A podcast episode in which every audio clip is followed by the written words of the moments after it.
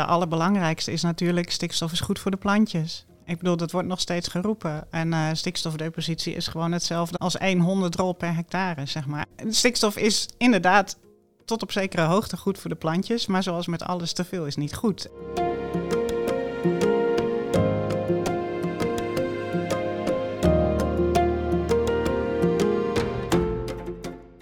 Hey, leuk dat je luistert naar Toekomst voor Natuur, aflevering 16. Ik ben Antoni Stip en in deze aflevering gaan we iets nieuws doen. Ik heb namelijk twee gasten in plaats van normaal gesproken één. Maar het onderwerp is er ook wel naar, want het is een stevig onderwerp wat we in deze aflevering bespreken. De effecten van stikstof op bodem en natuur. Mijn gasten zijn Francisca de Vries en zij is professor van Earth Surface Sciences aan de Universiteit van Amsterdam. En Michiel Wallis de Vries, onderzoeker bij de Vlinderstichting en voormalig buitengewoon hoogleraar ecologie en bescherming van insecten aan de Wageningen Universiteit. Van harte welkom, Francisca en Michiel. Ja, dankjewel. Goed om hier te zijn. Ja, van harte welkom.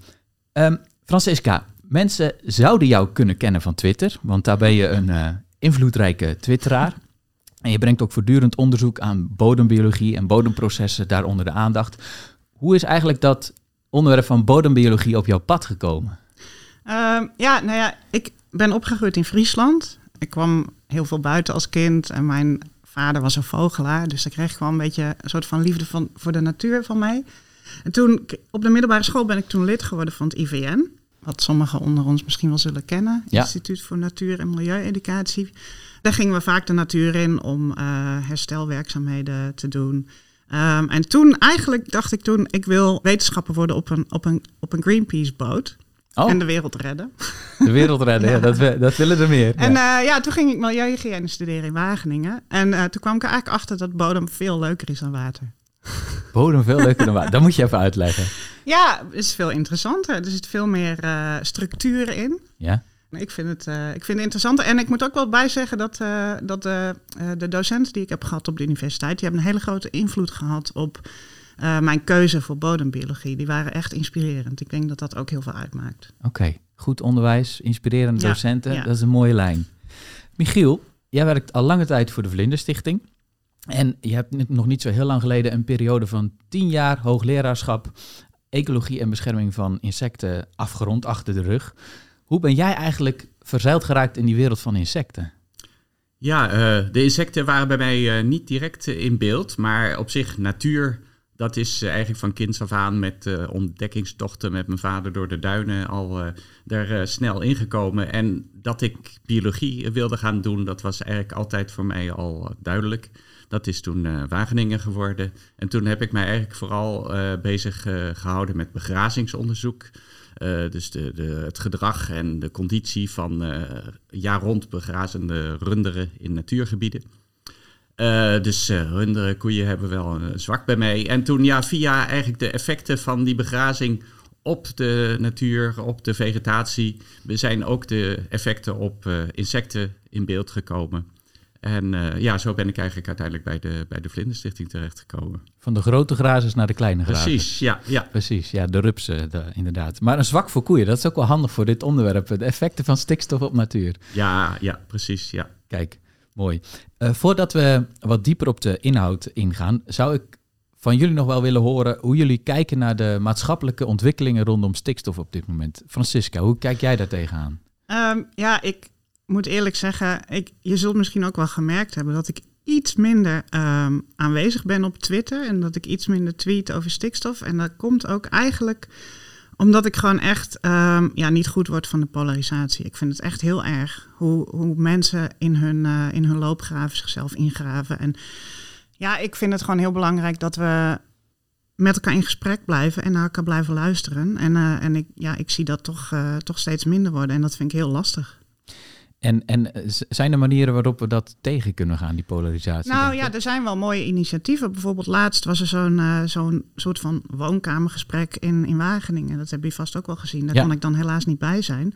Maar dat soort dingen zijn denk ik heel belangrijk. Dat je gewoon in gesprek blijft en naar elkaar luistert. En komt dat gesprek dan op gang, denk je?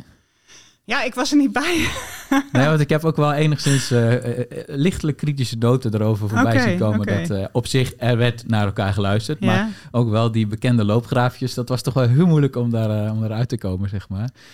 Dus nee, ja, in, in, zijn algemeenheid is inderdaad het onderwerp stikstof heel erg gepolariseerd. En nou, ik hoop ook dat bijvoorbeeld zo'n podcast als dit bijdraagt aan wat meer achtergronden. Dat we de mensen achter de uh, erachter ook een beetje leren kennen. En daarmee ook leren inzien van ja, uh, het is allemaal zo zwart-wit niet als het uh, naar buiten brengen. Ja. Michiel, hoe, hoe, kijk jij daarnaar, naar de maatschappelijke ontwikkelingen rondom stikstof? Ja, aan de ene kant is het inderdaad heel vervelend dat het zo heftig dan in, de, in het ja, aan het licht komt. Maar uh, aan de andere kant is dat ook wel uh, ja, misschien de, de, de, het begin van iets goeds. Ik bedoel, boosheid is een, eh, een beroerde uiting van betrokkenheid uiteindelijk. En als je dat ja, beseft van elkaar, dan kun je ook samen gaan kijken van ja, waar komt dat vandaan en wat, wat zijn nou eigenlijk die problemen? Want ja, er zijn dan echt reële problemen waar, uh, ja, waar, waar boeren dan mee zitten. Maar aan de andere kant ook mensen die, uh, die de natuurkwaliteit uh, omhoog willen halen. En dat, ja, dat moet je dan bij elkaar zien te brengen. Dus uiteindelijk ja, moeten we er samen uitkomen. En als, dat, als we dat beseffen, dan kunnen we met die boosheid misschien iets constructiefs gaan doen. Ja, ik wil met jullie naar het onderwerp het belang van stikstof eigenlijk. Francisca, er wordt vaak gesproken over de gezonde bodems, weerbare bodems, dat we dat, uh, dat we dat moeten bereiken, dat het belangrijk is. Wanneer is een bodem gezond? En, en misschien ook welke rol speelt stikstof daarin? Ja, dat is een hele interessante en eigenlijk ook best wel een ingewikkelde vraag. Want er is geen één gezonde bodem. Net zoals er geen het gezonde ecosysteem is.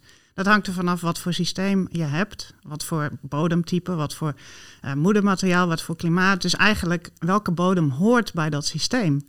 En dan, als dat bij elkaar past, dan heb je een, ja, een gezond, gezond, gezond geeft meteen een waardeoordeel. Je wil eigenlijk gewoon een functionerende bodem die bij dat systeem past. Um, en in een, uh, in een zandbodem onder een heideveld is dat natuurlijk heel anders dan in een productieve bodem onder een productiegrasland. Ja. Dus die, die bodems die zijn niet hetzelfde en die moeten ook helemaal niet hetzelfde zijn. Daar zitten hele andere bodemorganismen in. Ja, en als je dat even vanuit een landbouwkundige uh, bril benadert, daar proberen we eigenlijk op uh, whatever uh, het bodemtype is, zeg maar, proberen we landbouw te bedrijven. Ja.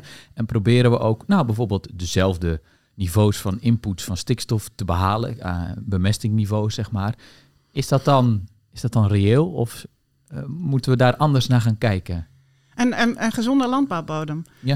Um, nou, het, het, een gezonde landbouwbodem die vervult de functies die belangrijk zijn voor landbouw.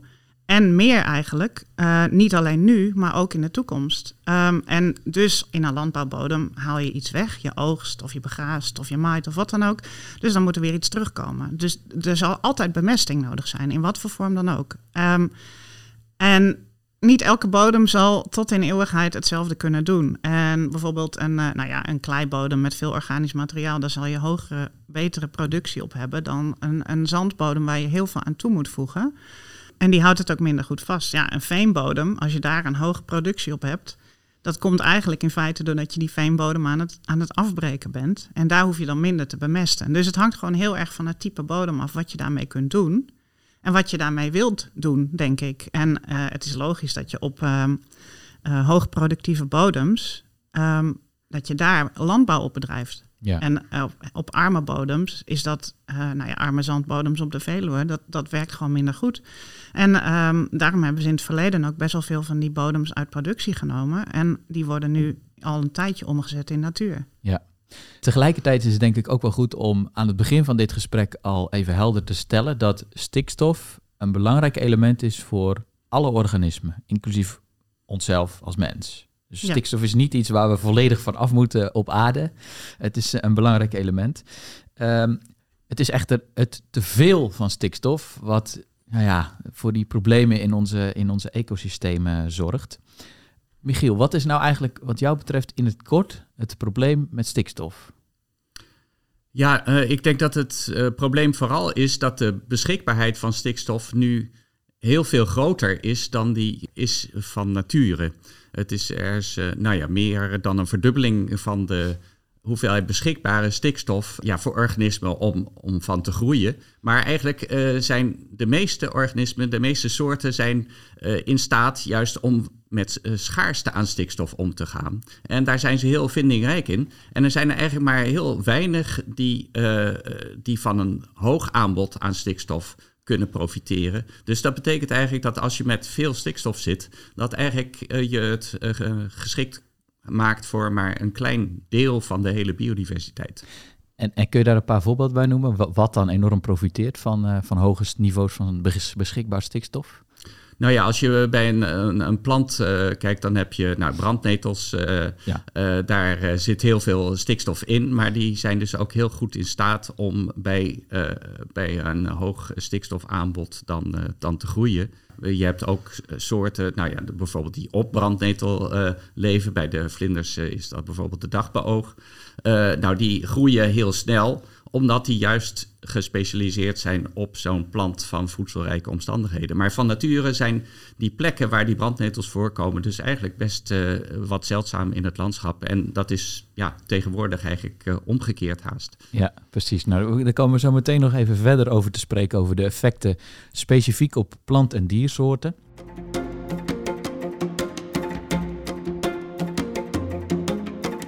Francisca, ik zou ook nog wel even van jou willen horen uh, hoe jij ernaar kijkt. Uh, vanuit meer een bodemkundige blik. Wat is het probleem van stikstof? Ja, het, het begint eigenlijk bij de bodem. Want die effecten op uh, planten en nou, de vlinders die dan weer op die planten zitten, die komen uiteindelijk uit de bodem. Want de plant neemt de voedingsstoffen, zoals onder andere stikstof, op uit de bodem. Um, en zoals Michiel al zei, de meeste organismen zijn er eigenlijk op aangepast om niet zo heel veel um, stikstof te hebben en daar dus moeite voor te doen. En zo hebben planten bijvoorbeeld um, onder stikstofarme omstandigheden, hebben ze allerlei slimme uh, trucjes om toch aan die stikstof te komen. Dus ze werken samen met uh, mycorrhiza-schimmels, ze werken samen met stikstoffixerende bacteriën. En dat zijn aanpassingen om eigenlijk dat stikstoftekort omzeilen. En zodra je eigenlijk dus meer stikstof in die bodem krijgt, dan is dat niet meer nodig.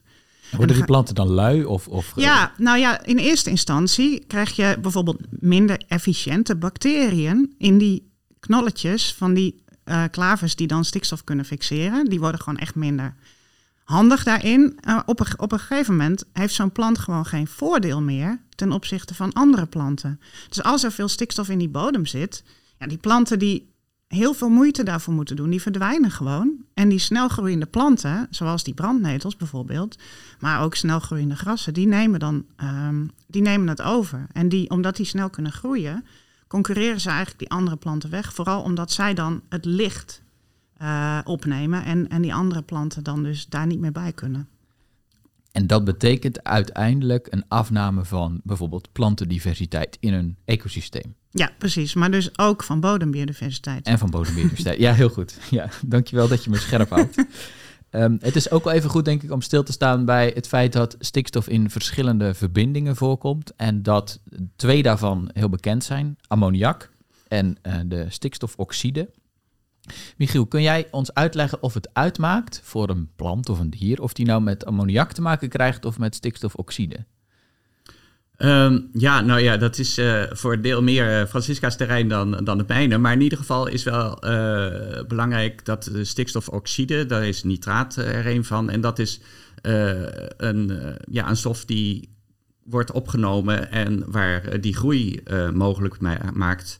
Uh, terwijl bij ammonium, uh, of ja, ammoniak, uh, wat dan in, in de bodem omgevormd wordt tot ammonium, dat heeft een, een verzurend effect in, in zandgronden met name.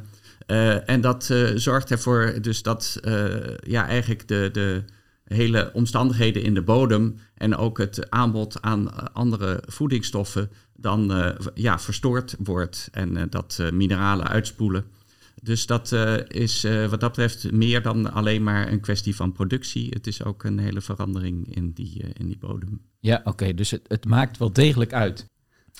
Um, we hadden het, Francisca, we hadden het al eerder even over die verschillende bodemtypes. er, stikstof werkt ook op verschillende manieren uit in die, in die bodemtypes.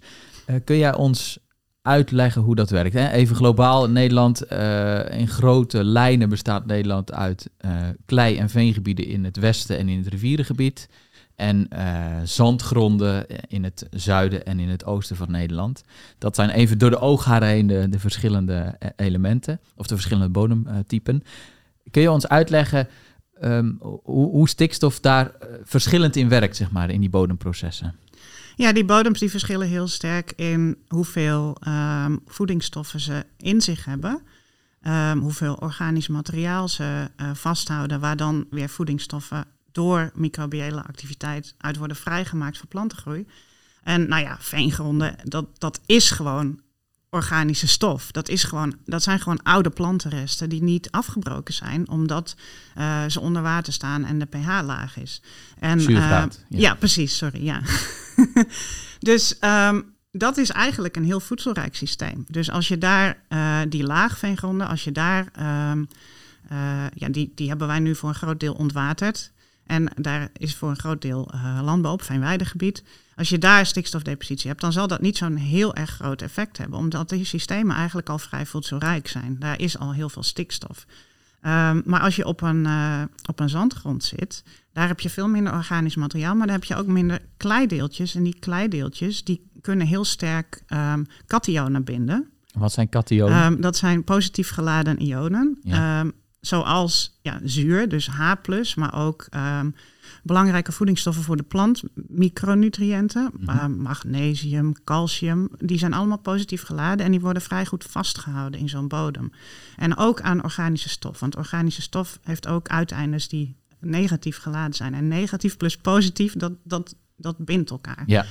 Dus in zo'n kleibodem, als je daar um, uh, veel stikstofdepositie hebt, dan krijg je eigenlijk minder snel uh, verzuring en minder snel dat die belangrijke microvoedingsstoffen voor planten uitspoelen, omdat die zuurmoleculen de plek innemen van die voedingsstoffen. Ja. En op zandgronden heb je dat veel sneller, omdat die veel minder de capaciteit hebben om dat soort uh, positief geladen ionen te binden. Omdat ze minder klei hebben en minder organische stof. En als je daar verzuring krijgt, dan spoelen eigenlijk die andere uh, voedingsstoffen um, vrij makkelijk uit. En die ben je kwijt? Ja, die ben je dan kwijt. Die komen ook eigenlijk niet meer terug. Um, tenzij je uh, bijvoorbeeld, en dat is ook waarom, uh, waarom er bijvoorbeeld ook experimenten lopen met het toevoegen van, van steenmeel. Um, dan voeg je eigenlijk vermalen uh, rots toe aan die bodem. En, en daar zitten dus nog dat soort um, micronutriënten in. Oké, okay, dus als we dat even samenvatten, dan zeg je eigenlijk dat uh, het probleem van uh, stikstof en met name de verzurende uh, gevolgen daarvan, van de stikstofdepositie, die zijn veel groter op de zandgrond in Nederland dan dat ze zijn in de laagveengebieden en ook in de kleigebieden van Nederland. Dus het probleem ja. is groter op de zandgrond. Ja, precies. En dat is dus deels door die verzuring, maar ook deels omdat er op die zandgronden minder stikstof is. En daar heb je dus meer die stikstofarme systemen, die dus meer beïnvloed worden als je daar meer stikstof aan toe, toe gaat voegen. Ja, helder. Ik wil met jullie nu even gaan inzoomen op uh, de effecten van stikstof op natuur. Michiel, ik weet, je, weet dat jij het um, erg belangrijk vindt om zichtbaar te maken wat de effecten van stikstof zijn op het leven van planten en diersoorten.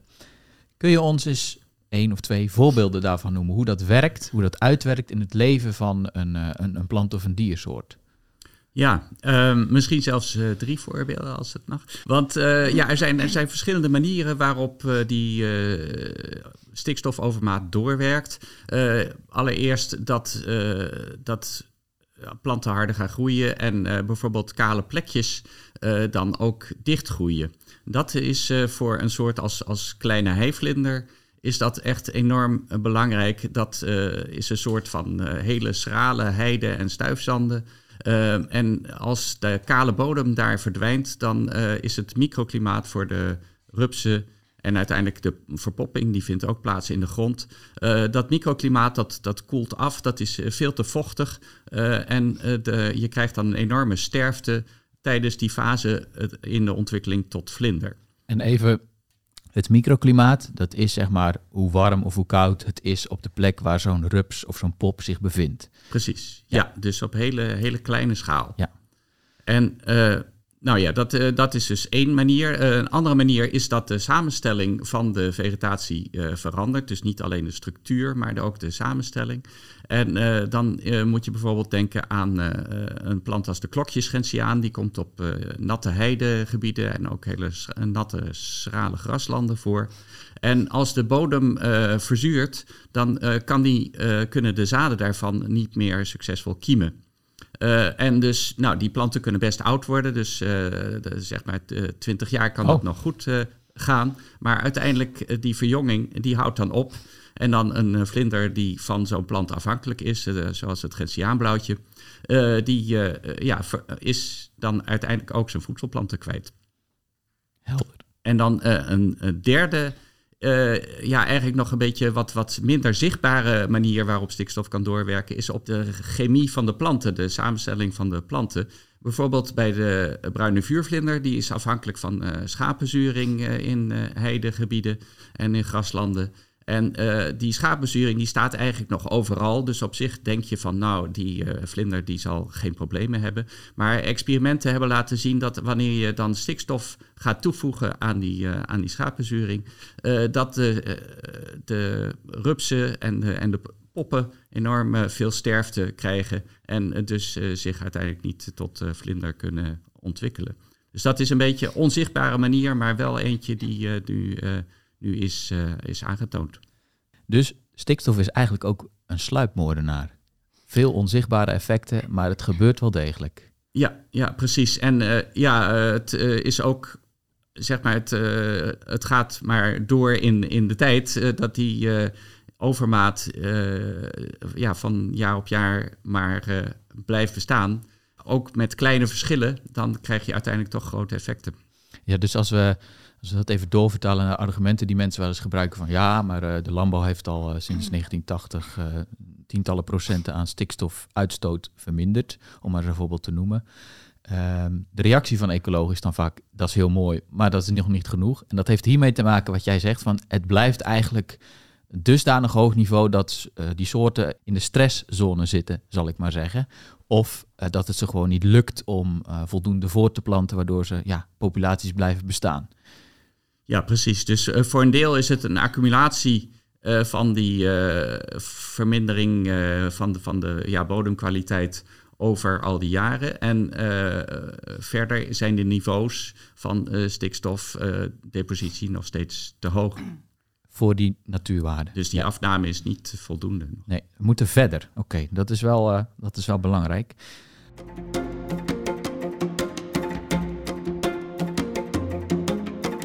Francisca, eh, laten we even in onze gedachten naar een, een droog grasland op de Veluwe gaan. Wat weten we dan over de effecten van een overmaat aan stikstof op eh, bodemleven en bodemprocessen? Kun je ons eens meenemen wat er dan gebeurt?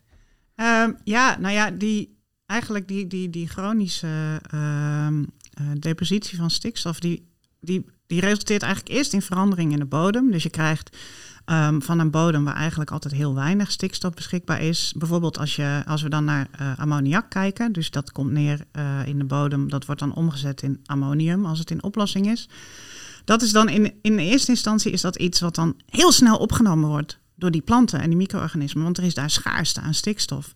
En op een gegeven moment, als dat maar doorgaat en doorgaat en doorgaat, hebben, dan beginnen die, ehm, nou ja, die, die samenwerkingen tussen die planten en die micro-organismen, die beginnen te veranderen. Er, komt een niveau van eh, ammonium in die bodem. En dan als er genoeg ammonium is in de bodem, die niet allemaal in één keer wordt opgenomen, dan krijg je dat bacteriën die ammonium gaan omzetten in nitraat.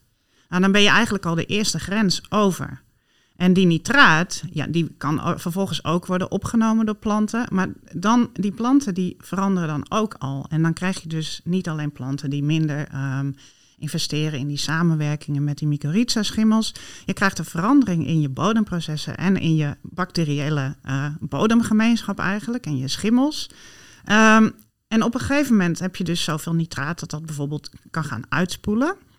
En niet allemaal weer opgenomen wordt. En dan als je eigenlijk die grens over bent, dan krijg je uh, echt een meer um, bacterie-gedomineerd um, bodemsysteem. Die schimmels die, ja, die houden eigenlijk meer van voedselarme omstandigheden. Op een gegeven moment krijg je dan um, onder de juiste omstandigheden, dus dan moet je het wel een beetje nat hebben en dan moet er ook voldoende organisch materiaal zijn, dan kan er ook denitrificatie gaan plaatsvinden. Uh, maar dan ben je eigenlijk al een soort van twee drempels over. En dan kan zo'n systeem ook echt stikstof gaan verliezen. Dus in eerste instantie bij zo'n stikstofarm systeem, dan gaat dat echt die stikstof opslurpen.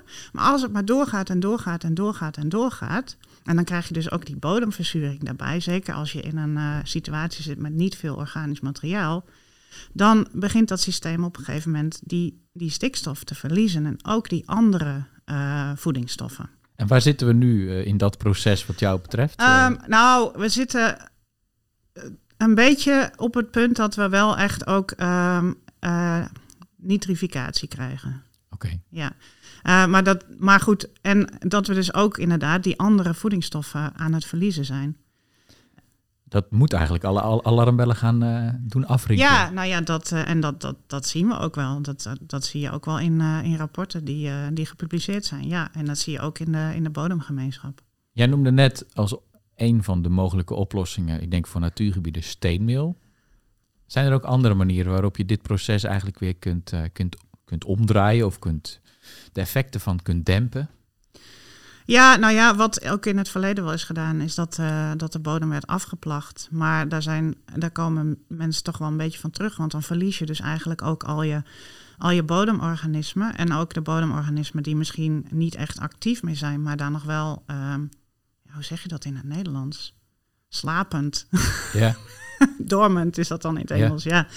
Die daar, en die zijn juist heel belangrijk ook voor het weer terugkomen van bepaalde plantensoorten. Want als je bijvoorbeeld weer heide terug wil hebben, dan heb je een specifiek type schimmel nodig, Ericoïde mycorrhiza's. En zonder die schimmels kunnen die heideplanten niet eens ontkiemen.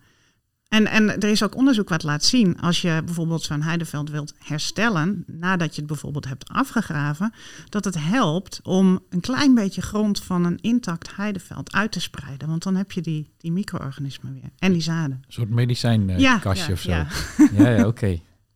Goh.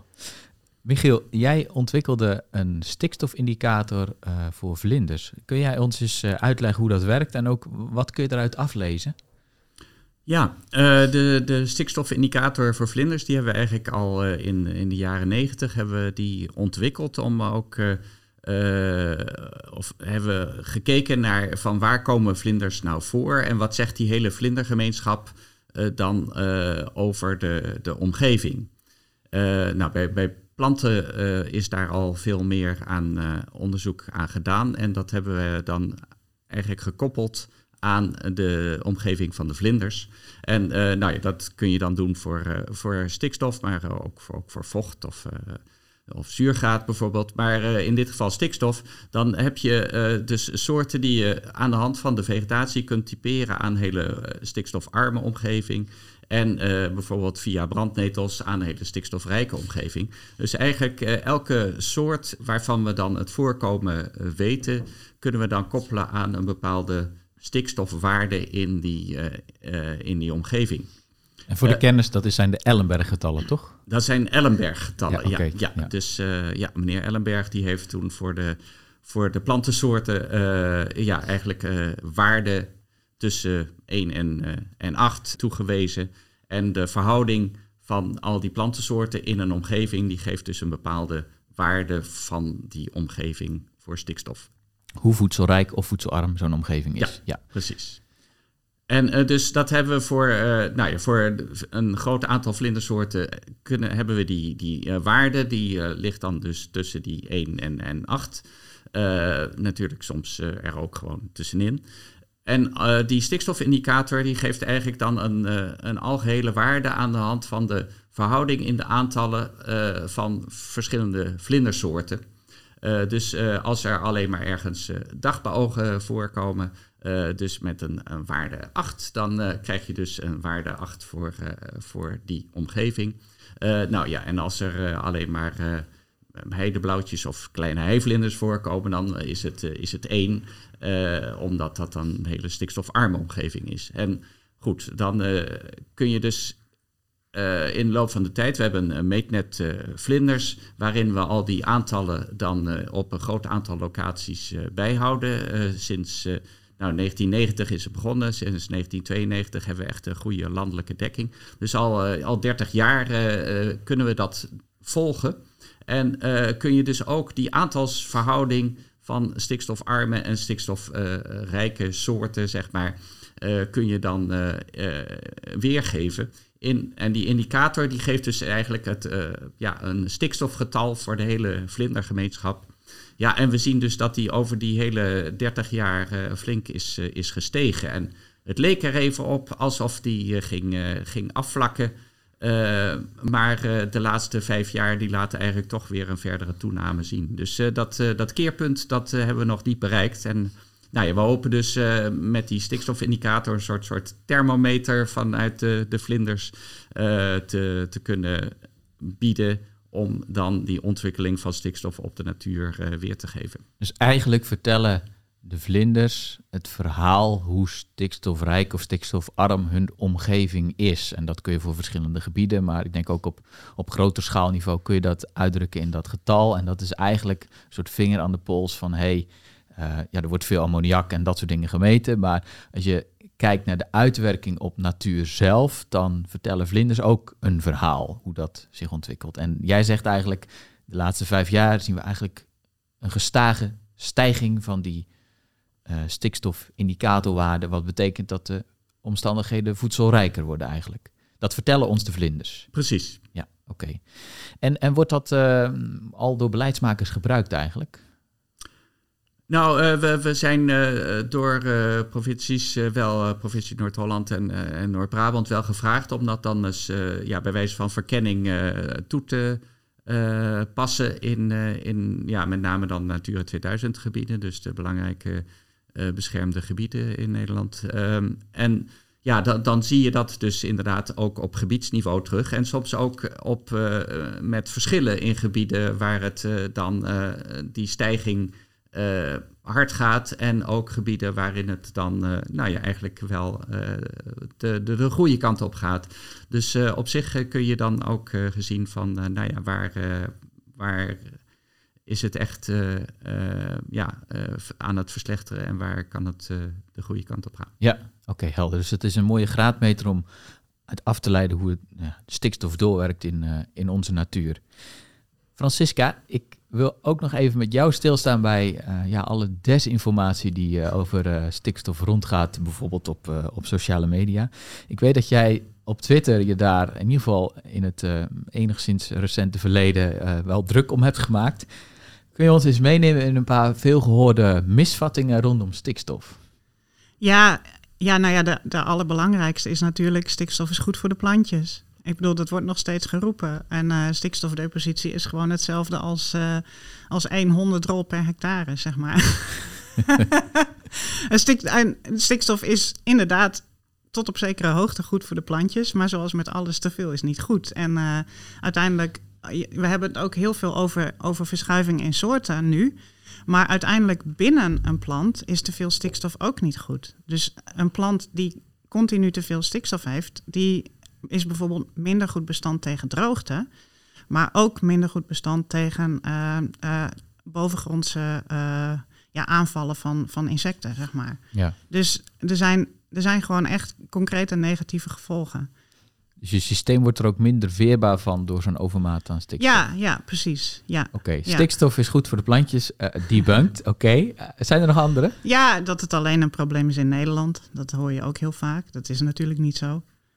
Want het is Noordwest-Europa, heel Europa. Nou ja, het is wel vooral hier uh, in, in West-Europa dat, uh, dat de stikstofdepositie en ja, de concentratie van, van veehouderijen ook gewoon heel groot is. En ook industrie natuurlijk. Ja. Um, en het is ook niet zo dat we er alleen in Nederland een probleem van maken.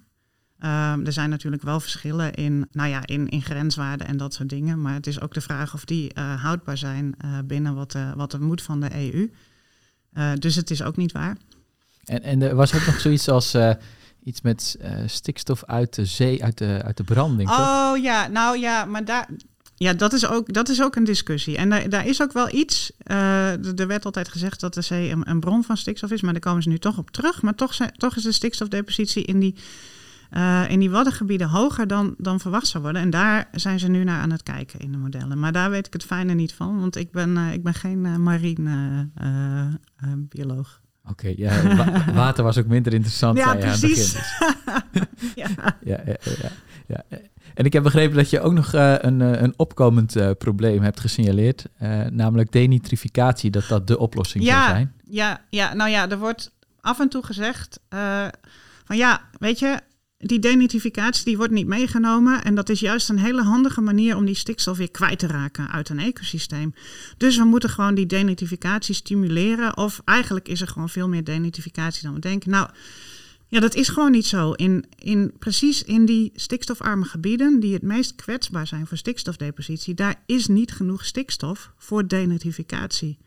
En op een gegeven moment, bij, tegen de tijd dat je inderdaad denitrificatie krijgt, die krijg je alleen als die bodem uh, weinig zuurstof heeft, dus als die bodem verzadigd is met water, en als er genoeg uh, labiele organische stof beschikbaar is. Dat zijn vrij specifieke omstandigheden. En dat hangt ook nog van de pH af. En dan krijg je inderdaad denitrificatie. Maar dan moet er echt al veel nitraat uh, aanwezig zijn in die bodem. En anders heb je eigenlijk gewoon geen denitrificatie. Dus de mensen die roepen, oh, maar denitrificatie wordt helemaal niet meegenomen. Nee, eigenlijk alleen systemen die al een grens over zijn, of voedselrijke systemen, die hebben significante denitrificatie. En die denitrificatie die resulteert dus in productie van uh, uh, stikstofgas, N2. Nou, dat is inderdaad volkomen on onschuldig. Ja. Uh, maar ook uh, lachgas, N2O. En dat is een heel sterk broeikasgas. Dat is 314 keer sterker dan CO2. Dus dat is juist wat je niet wilt. Ja, ja. oké. Okay. ja, dus uh, nou, bij deze, de mensen die dat uh, als oplossing zien, dat uh, is niet ja, het geval. Nee, ik trek echt de haren naar mijn hoofd als ik dat hoor. Doe maar. Heftig, ja.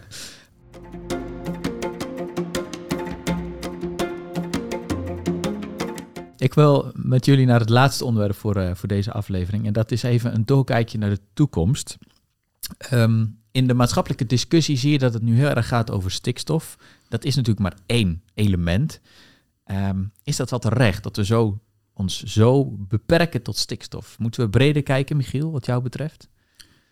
Nou ja, ik, ik denk dat uh, uh, het laat zien dat er aan alle allerlei uh, kanten een, een, grens bereikt wordt. En bij stikstof is die uh, grens uh, heel, heel zichtbaar. Dus wat dat betreft is het een soort condensatiepunt om dan stikstof daaruit te lichten. Maar er, er zijn veel meer factoren en ook meer elementen. Hè. Fosfaat is natuurlijk ook een, een ja, eigenlijk een destabiliserend element in, in de ja, nutriëntenkringloop uh, in systemen. Dus uh, op zich, het zou diverser moeten zijn, maar uh, met stikstof maak je de, ja, de discussie en, en het probleem wel heel helder. Oké, okay, en hoe kijk jij daarnaar, Francisca? Ja, ik denk dat deze discussie is nu eigenlijk een heel acuut symptoom van het feit dat we eigenlijk um, ja, te veel willen in Nederland, denk ik, en dat het gewoon niet past. En um, het is duidelijk dat er keuzes gemaakt moeten worden. En ik denk dat dat probleem gewoon nog nooit zo urgent is geweest als nu. En ik zou eigenlijk, ja, ik, ik zou ervoor willen pleiten om echt een meer, uh, ja, echt een, een, visie. Ik, ik mis gewoon visie. En uh, ik zou eigenlijk op landschapsschaal een soort visie willen ontwikkelen. En dan, ja, ik niet trouwens, absoluut niet. Je hebt geen tijd. ja, ik zou hopen dat er gewoon een visie wordt ontwikkeld met dit is wat we met Nederland willen. En uh, ik denk dat, dat dat gesprek dat iedereen daar gewoon uh, in deel moet nemen. En ik weet dat dat op zich ook wel gebeurt in provincies aan die gebiedstafels. Maar eigenlijk is die, is die tijdslijn gewoon veel te krap. Want ze moeten dat binnen een jaar moeten ze zo'n visie hebben. Ja, dat kan eigenlijk helemaal niet. Dat kost veel meer tijd. Dus, maar ik zou gewoon willen dat er eigenlijk veel meer een visie achter zit van wat is het nu wat we willen. En, maar natuurlijk wel binnen uh, de dingen die we moeten. En ja, zijn, we moeten gewoon de natuur beschermen. Ik bedoel, je kan, je kan natuurlijk discussiëren over moeten we dit ecosysteempje behouden. Maar het feit is gewoon dat we dat moeten. Daar, zijn, daar hebben we afspraken over gemaakt. Maar binnen die grenzen zou ik echt gewoon echt een, een discussie willen over waar willen we nou eigenlijk heen met Nederland. En denk je dat uh, het kabinet Rutte 4 daarmee gaat komen? Ja, sorry. Nee. Nee? nee, maar nee, het, zeker niet de landelijke regering. Maar ik denk eigenlijk, eerlijk gezegd, denk ik dat er in de provincies heel veel uh, wil is. Ja, dat denk ik echt. Dus de pijlen zijn op de provincies gericht. Ja. Nou ja, en ik denk ook wel van de, de druk op dit kabinet is wel zo hoog dat ze eigenlijk haast niet, niet anders kunnen dan om niet alleen maar acute maatregelen op de korte termijn te nemen, maar ook te denken van ja, maar wat, uh, waar moet dat heen op de, op de langere termijn? Dus dat, dat hoop ik in ieder geval. En dat je uiteindelijk toch op allerlei manieren, of het nou om stikstof gaat of over uh, water en ja, koolstof, uh, hè, met broeikasgassen natuurlijk ook, dat je uiteindelijk toch meer in kringlopen moet, uh, moet zien te denken. En dus onze invloed daarin ook ja, een, een rol geven, zodat die kringlopen dan gesloten kunnen worden. Ja, misschien voor de luisteraars wel goed om even nu te vermelden dat wij dit opnemen voordat het advies van Johan Remkes uh, is verschenen. Dat kan natuurlijk nog wel wat be tot beweging gaan leiden. Het is wel bekend, 5 oktober komt dat, dus er wordt naar uitgekeken. Althans, nu nog wel. Kunnen jullie vanuit je eigen expertise aangeven wat er nodig is om verder te komen in dit dossier? Francisco, jij hebt gezegd visie. Michiel? Ja, ik denk ook dat het belangrijk is om verschillende dossiers, uh, om uh, mijn politieke term te gebruiken, bij elkaar te brengen. Dat stikstof en, en klimaat bijvoorbeeld. Nou, Francisca noemde al van planten worden ook droogtegevoeliger met een stikstofovermaat. je kunt aan bodemherstel ook werken door de grondwaterinvloed om ja, op te krikken. en, en ja, als je dat bij elkaar gaat brengen, dan zijn de, ja, de maatregelen die je moet nemen uh, die, uh, die kun je dan vaak combineren. Dus dan behandel je de problemen niet meer apart, maar ga je ze samen te lijf. En dan ja, moet je naar systeemverandering. Maar op zich, door die combinatie van, van verschillende onderwerpen, kun je dat dan ook makkelijker aan. Het vergt wel ook mensen die in systemen kunnen denken. Zijn die er voldoende zeg maar, op, op, op, op ministeries of in provinciehuizen? Mensen die voorbij uh, de, de focus van een heel smal vakgebied kunnen denken en kijken en integraal kunnen denken. Francisca? Nou, ik weet in elk geval dat ze er in elk geval bij de provincies wel zijn. Oké, okay, daar put jij moed uit, denk ja, daar put ik moed uit. Ja, ja je, je, gezicht betrok net een klein beetje. Oh, maar... nee. ja. ja. Um, heb jij nog andere dingen, Francisca, waarvan je zegt van naast visie um, zijn er ook nog andere elementen die nodig zijn om verder te komen in, dit, uh, in deze discussie? Nou ja, ik, zoals ik eigenlijk ook al begon, ik denk dat we wel echt naar elkaar moeten luisteren en dat we proberen moeten, uh, te proberen moeten om um, ja, eigenlijk een soort gemeenschappelijke waarden en, en een soort toekomstbeeld te vinden. En, en dat, is, kijk, dat is ook de reden. Kijk, je kan altijd wel, wat ik heb gedaan is heel veel ja, desinformatie eigenlijk bestrijden. Maar op een gegeven moment helpt dat gewoon niet meer. Je, je bent gewoon eigenlijk altijd hetzelfde aan het herhalen. Dus ik denk gewoon dat je in plaats van uh, mensen moet uh, um, overloaden met um, dit zo zitten, dat je eigenlijk gewoon in gesprek moet gaan. Dus meer ruimte voor de, de persoonlijke aanpak, zeg maar. Ja, ja, ja, ja, dat is heel belangrijk, denk ik. Uiteindelijk zullen we er toch samen uit moeten komen. En ondertussen tikt dat klokje. Ja, ja dat wel, ja. Helaas. Ja. Ik vraag ook al mijn gasten om een leestip voor de luisteraars. Michiel, heb jij een leestip? Ja, ik eh, ben nu uh, bezig in de, de geur van het bos van uh, Rob Bijlsma. En uh, nou, alleen de titel al uh, nodigt je uit om, uh, om ja, de, ook de, de, de geur van het landschap te ervaren. En dan geen, geen stikstofstank. Maar de geur van eh, de natuur. En eh, ik uh, vind het mooie aan dat boek dat het ja, die, die, die passie voor natuur en, en veldwaarnemingen laat zien. En ook het gegevens verzamelen daarover. Rob Belsma die, die registreert en meet van alles en nog wat. En dat roept ja, vragen op, maar biedt ook ja, handvatten om, om dan te laten zien wat er in onze omgeving uh, gebeurt. Dus uh, een prachtig uh, geschreven boek en zeker een aanrader. Dankjewel. De geur van het bos van Rob Bijlsma. We zetten de titels van de boeken ook in de beschrijving van deze aflevering. Francisca, wat is jouw leestip? Ja, uh, Regenesis van George Monbiot. En het is nog niet vertaald in het Nederlands. Ik weet ook niet of het gaat gebeuren. Maar ik denk dat ik hem persoonlijk... Ik heb hem natuurlijk gelezen. Ik lees hem persoonlijk denk ik ook liever in het Engels. En het, het is een fantastisch boek voor om twee redenen. Ten eerste, ik heb nog nooit iemand met zoveel liefde en zo mooi uh, zien schrijven over het bodemleven en het belang van het bodemleven. Het is echt heel mooi. Ja, nou, als jij dat al zegt, dan. Uh... Ja, en ten tweede, het geeft gewoon echt een, echt op alle niveaus een fantastisch uh, ja, inkijkje eigenlijk in hoe ons voedselsysteem um, ja, de wereld, de biodiversiteit, natuurlijke ecosystemen, ja, eigenlijk verwoest. Maar hij geeft ook oplossingen. ik bedoel, je moet natuurlijk wel een klein beetje in je achterhoofd uh, houden dat hij een overtuigd veganist is. Um, maar het is gewoon echt, echt een heel mooi boek. Kijk, dat is een, een, warme aanbeveling van Francisca voor Regenesis van uh, George Monbiot. Dankjewel. De laatste vraag die ik jullie allebei wil voorleggen is: hoe kijken jullie naar de toekomst van natuur in onze lage landen, Michiel?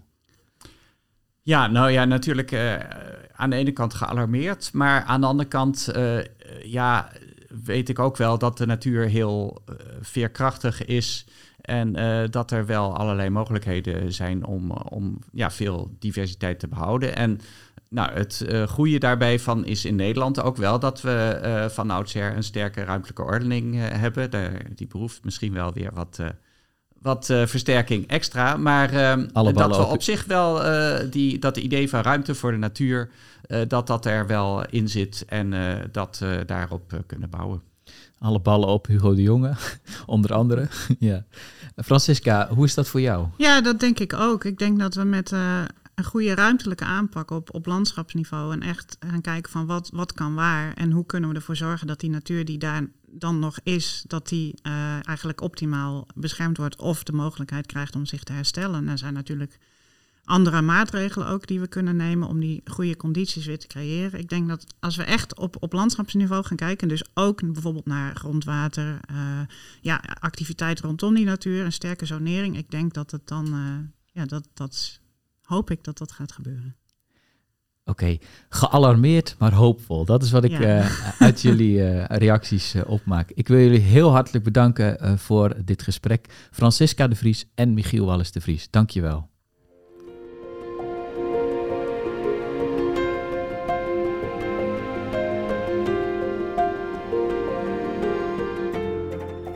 Zo, dit was aflevering 16 van Toekomst voor Natuur.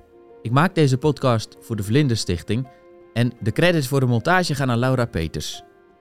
Wil je reageren? Dat kan, vinden we ook heel leuk.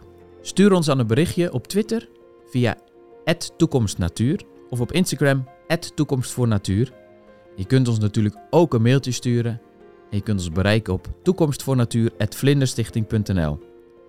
In de volgende aflevering spreek ik met Petra Vijnke en zij is schrijfster en podcastmaker en ik spreek met haar over de wonderenwereld van insecten. Tot de volgende!